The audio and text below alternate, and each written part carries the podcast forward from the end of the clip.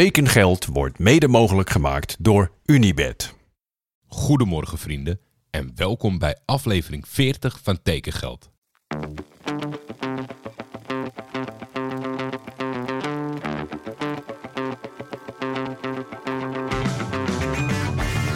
Waar gaat Hilterman naartoe? Tijd is geld. En veel geld in voetbal is bijna een garantie voor succes. Hallo Paul, this is Hans Nijland. I would like to invite you here in Groningen. In de zomer gaat Van der Beek naar Gaat Van Madrid. de Beek gewoon naar Real Madrid. Manchester United hoeft niet meer te bellen. Die hoeven niet te bellen. Nee, nee.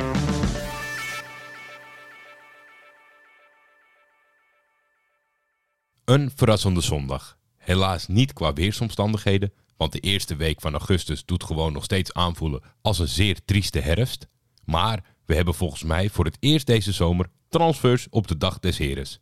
En bij twee van de drie krijgen we nog waardevolle achtergrondinformatie ook. Omdat het de zondagaflevering is, toch nog ook een snelle vragenronde. En vergeet niet de show notes te checken als je straks klaar bent. Want de tekengeldavond bij House of Bird moet wel de status uitverkocht krijgen binnen nu en heel snel. De dag begon met een bijzondere transfer. Kezia Veendorp, voormalig FCM-speler en middenvelder van beroep, tekende voor Bengaluru FC. Eerst al lachen omdat George Scroll opmerkte dat ze in India vermoedelijk dachten dat ze gezien het uiterlijk en het postuur van Kezia dat ze Nigel de Jong hadden vastgelegd. Ze gebruikten voor de aankondiging op social media namelijk de iconische foto vlak voor Nigel zijn noppen in de borst van Xabi Alonso planten. Daar heb ik het antwoord niet op, maar toevallig heeft tekengeld een India-watcher, al is dat natuurlijk zo langzamerhand niet meer toevallig te noemen. Mihir Fasavda schetst een beeld voor jullie bij de nieuwe club van Veendorp. So the club, as the name suggests, is based in Bengaluru, which is in the south of India. Uh, and it is the city is largely known for uh, being the IT hub of India. It's dubbed as the Silicon Valley. Uh, it is a place uh, which is a heaven for startups. Uh, there is a lot of uh, modern businesses operating out of Bangalore. It's also very famous for its gardens and its breweries. So this is the city where uh, the newest signing of Bengaluru FC will be staying. Uh, the club itself is around 10 years old. It's achieved a lot in this very short period. Uh, and it's in fact, in a way, overachieved because it's won almost every title on offer in India. Uh, it has won the I League, which was earlier the premier division of the country. Uh, then it went on to win the Indian Super League as well. Indian Super League is currently the top division in India. Uh, then they've won the Federation Cup. Uh, they've won almost, uh, yeah, they've won every tournament that is on offer domestically. They've done decently uh, at the continental level too, having reached the final once before. They, they, they were in the final of the AFC Cup, which is the equivalent of the Europa League. Uh, so the club has been extremely successful on field. It is one of the organized clubs, more better organized, professionally run club in India. Uh, it has a very good fan following, around uh, 25,000 people on an average. Uh, on a good day, can fill the stands, uh, which is quite decent by India's standards. Very dedicated uh, fan support. They travel for away games too, so that's kind of rare in India, but it happens uh, when Bengaluru are in town. Uh, they were the finalists of the last year's Indian Super League. Uh, they eventually uh, could not win the title, but they made a very sharp improvement. Their season started not so well, but as uh, it progressed, they got better and better, and they reached the final. They are coached by Simon Grayson. Uh, he's an Englishman, previously coached uh, teams like uh, Leeds United, Bradford City, Sunderland. So a lot of teams in England, and then he came over to India. It's his first assignment here, and the team has the team plays. I mean, like you would see in in a typical English fashion, but also uh, because of the kind of players they have, they tend to play a, a bit of possession style football. Uh, uh, so so that's about the team. The players are very interesting. It's it's one of the strongest squads, in fact, in the league this season. They've got some really nice, interesting Indian players too, uh, with Sunil Chetri, the captain and the country's highest goal scorer, headlining the team. Uh, he's been with the club since uh, its inception, and uh, he's suggested many times that Bangalore FC is where he will retire as well. Hierna was het de beurt aan Lucas Woudenberg, beter bekend als de Witte Keniaan. Na bijna een compleet profleven in Nederland gaat hij eindelijk over de grens kijken. Al is hij iets minder avontuurlijk ingesteld dan Kezia Veendorp. Maar daar vertelt mijn goede vriend Jean-Paul Risson jullie nu alles over. Dag Jordi, dag luisteraars van Tekengeld. Ehm, als trouwluisteraar van mijn favoriete podcast in de zomer maakt mijn hart toch altijd een klein sprongetje als er een Nederlander naar Frankrijk vertrekt. En het is weer zover. Lucas Woudenberg gaat spelen voor Valenciennes FC op het tweede niveau. Een club die in de geschiedenis toch vrij regelmatig in de Ligue 1 speelde, maar na de degradatie in 2014 daar eigenlijk nooit meer echt bij in de buurt is gekomen. Ja, Valenciennes heeft een abonnement op het rechte rijtje. En je zou ze kunnen omschrijven als een grijze muis. Het statueno van de club is vrij nieuw en heeft last van het Euroborg-syndroom. Van buiten verschrikkelijk, maar van binnen best wel aardig. Ik ben er in het verleden nog wel eens geweest voor wedstrijden tegen Paris Saint-Germain en Olympique Marseille.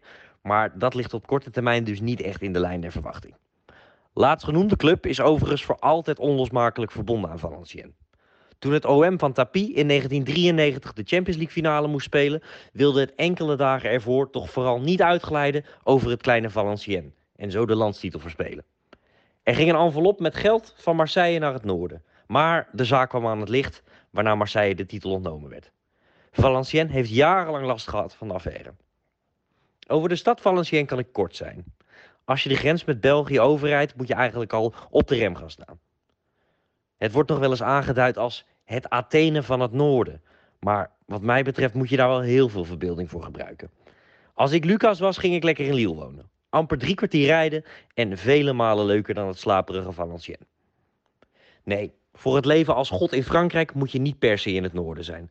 Maar gelukkig voor Lucas is de Ligue 2 een fraaie competitie met clubs in de mooiste en bijzonderste uithoeken van Frankrijk.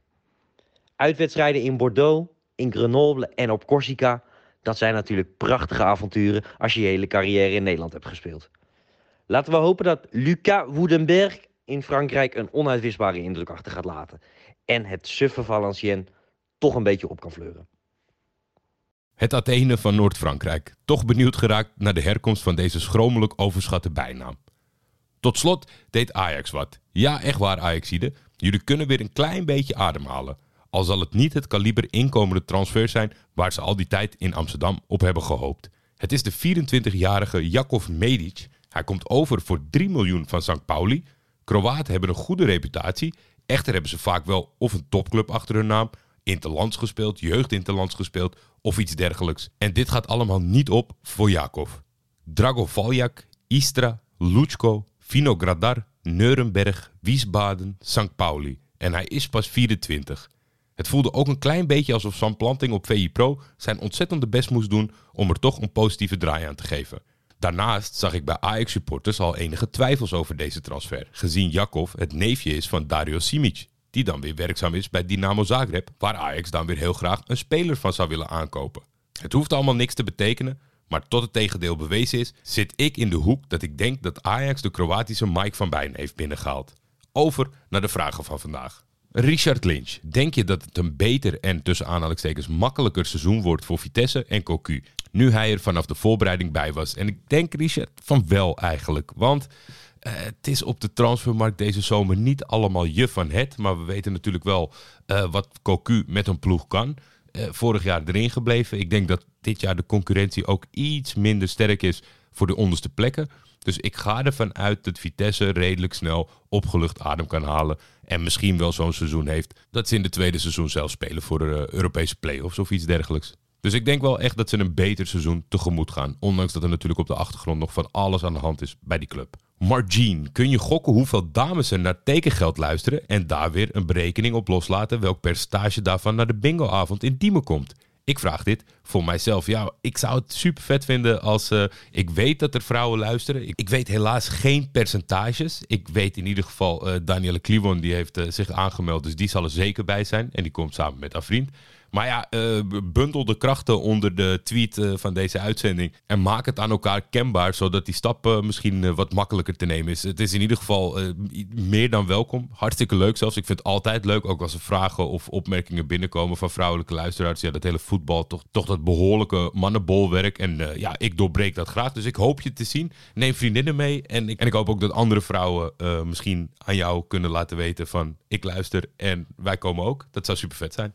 Gerard Jan Boy, welke speler van FC Utrecht moet ik opstellen in mijn coach van het jaarteam? Ik ben geen coach van het jaar speler, Gerard Jan. En ik ben ook nooit eh, van de fantasy voetbal. Ik ben er ook gewoon hartstikke slecht in. Als je kijkt naar de selectie, ik zou bij Utrecht gaan voor een positie waarvan je niet helemaal weet wie zal ik nou kiezen. En het op die manier denk ik dat je het kan opvullen zonder al te veel pijn te krijgen. Ik denk niet, voor mij steekt er niet echt iemand uit. Boet is natuurlijk een heerlijke speler. Bosdoan is fantastisch. De spitspositie gokken voor Doefikas. Misschien is hij wel weg, dus je zou kunnen starten met Doefikas. En dat je, mocht hij vertrekken, dat je toch nog kijkt wie in de eerste paar weken een, een, een goede start heeft gehad bij de concurrenten. Maar ik vind het echt een hele moeilijke vraag. Zeker omdat het niet helemaal mijn expertise is. Ik denk dat je aan veel spelers bij Utrecht niet echt een bijl zal vallen. Dus kijk vooral bij welke positie je erg twijfelt en ga daarvoor een Utrechter. Matthijs vraagt welk voetbalshirt van Fik is zijn favoriet. Poeh, dat vind ik lastig. Ik weet dat hij bijzonder enthousiast reageerde op het Bayern München pakje, wat mijn zusje voor hem had meegenomen uit München. Ik weet dat hij eh, Kroatië heel vet vond, die ik mee had genomen toen ik in Split was. Maar voor de rest is hij eigenlijk wel gewoon fan aan het raken van het fenomeen voetbalshirt. En dat, dat, daar ben ik ontzettend blij mee, want we hebben een moeilijke periode gehad. Ik ben natuurlijk eh, extreem begonnen, misschien wel iets te fanatiek. Vanaf maatje 56 hebben we al shirtjes.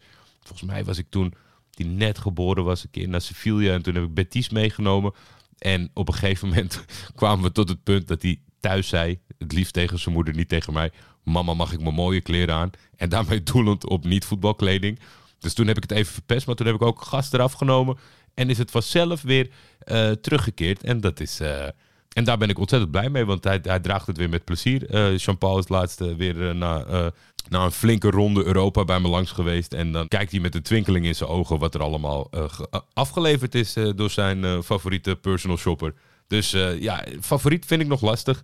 Door de, door de moeizame beginperiode ben ik ook niet zo... Ik, ben, ik, ik push niet meer. Wim Vis, welke Welk buitenlands team ga je door welke transfer dit seizoen extra volgen? Nou ja, je hebt het net gehoord. Het wordt natuurlijk eh Bengaluru FC. Nee, ja, eh, nee, zonder gekheid. En ik dacht in eerste instantie nog, ik ga natuurlijk meteen Galatasaray roepen. Want we zijn nog niet klaar. Ik word weer helemaal gek gemaakt. Ineens komen de namen van Paredes en Joao Felix weer voorbij voorbij zingen. En die Fabrizio Romano blijft ook maar meedoen. Maar dat is, te, dat is te simpel.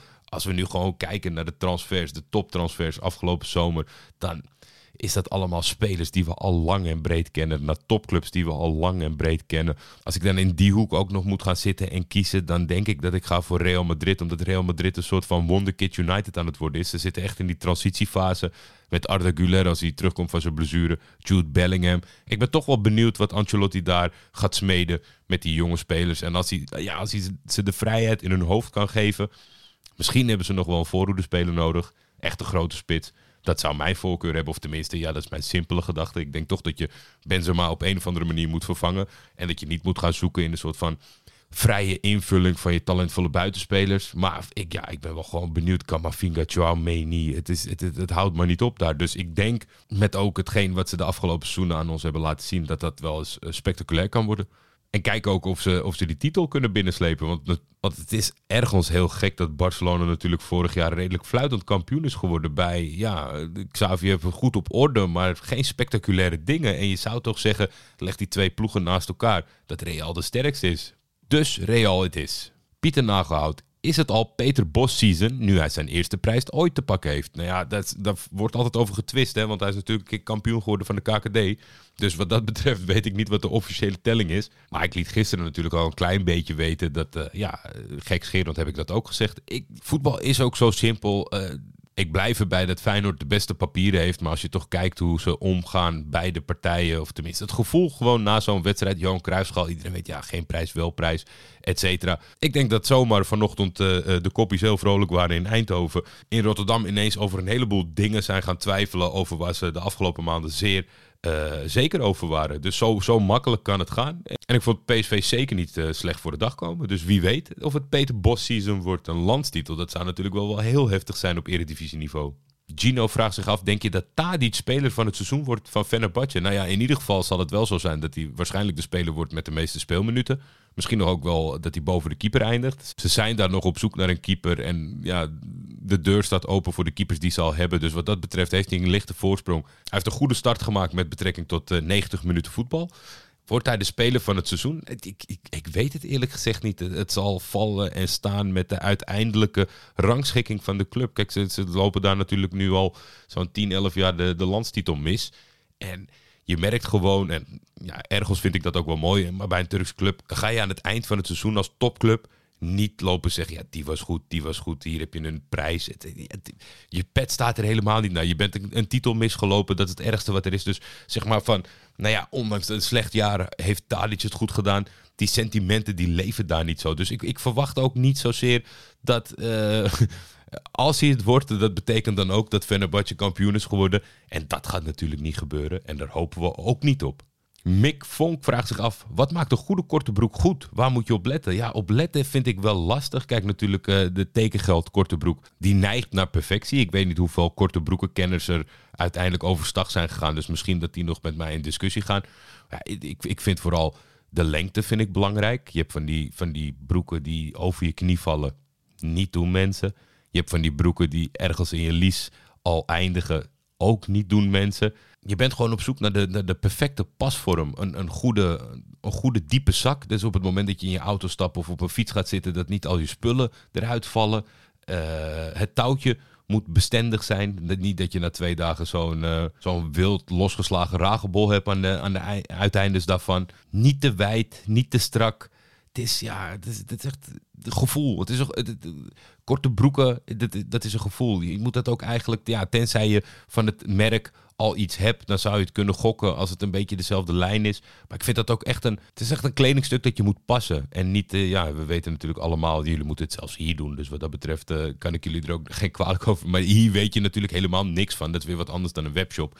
Maar ja, ik zou zeggen, als je echt een goede broek wil hebben, dan moet je naar de winkel en dan moet je hem aantrekken. Nick van Ruiven die wil weten of ik nog Poeka thee drink. Nou, een stuk minder, Nick. Ik moet, uh, moet eerlijk zeggen dat het wat is afgenomen. Ik, ik drink op mijn werk zoveel thee dat ik er thuis een beetje ben gaan, gaan minderen. Dat, is natuurlijk, dat beeld is ook een beetje ontstaan omdat we natuurlijk toen op Twitch ja, je moet, je moet wat drinken om nou. En we deden dat natuurlijk net als tekengeld dagelijks. En om dan elke dag een blik bier open te trekken, dat is ook niet helemaal wat je wil. Dus op een gegeven moment is daar de thee, uh, de Puka thee in de hoop van de sponsordeal natuurlijk ingewandeld. En ik zou het nog steeds aanraden als je een theeliefhebber bent, maar je hebt het nog nooit gedronken. Neem een keer een kijkje bij het assortiment van Puka. Maar ik ben het zelf een stukje minder gaan drinken. Mr. Metas had nog een tweet, die valt helemaal niet onder de vragen. Maar ik denk, ja, ik moet het toch even meenemen. Omdat ik het gewoon een leuke vaststelling vond. Hij schrijft vrij debiel om een random shirt en broek te kopen zonder het ooit gezien te hebben. Maar ik laat geen kans onbenut om random op straat aangesproken te worden met waar gaat Hilterman naartoe? En dat is natuurlijk wat er gaat gebeuren. En ook vind ik dat zelf natuurlijk hartstikke leuk. Dus uh, ja, bedankt voor het vertrouwen, Madhouse. Tot slot, en uh, het spijt me voor de mensen die ik niet uh, in behandeling heb genomen. Ik heb ze allemaal gezien, maar we moeten het ook een beetje uh, in het gareel houden. Het is, het is alweer laat.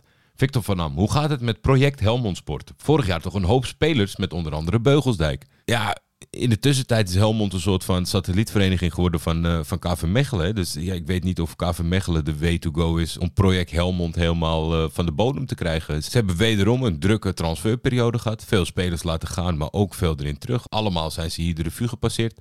Michael Chacon, die uh, Griekse jongen Fifos Botos.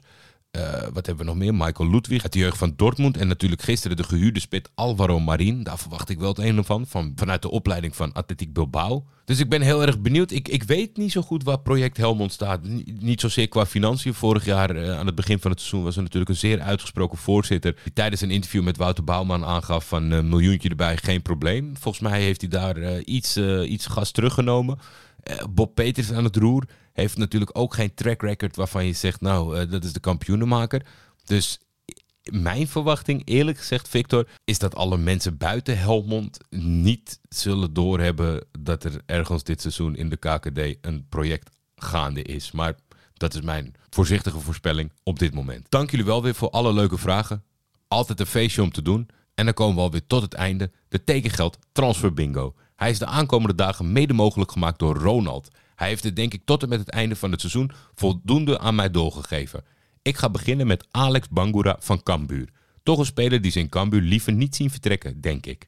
Buitenland? Ik ga jullie niet helpen of hints geven, maar ik zou in die hoek gaan zitten. Laat maar weten. En jullie, tot morgen.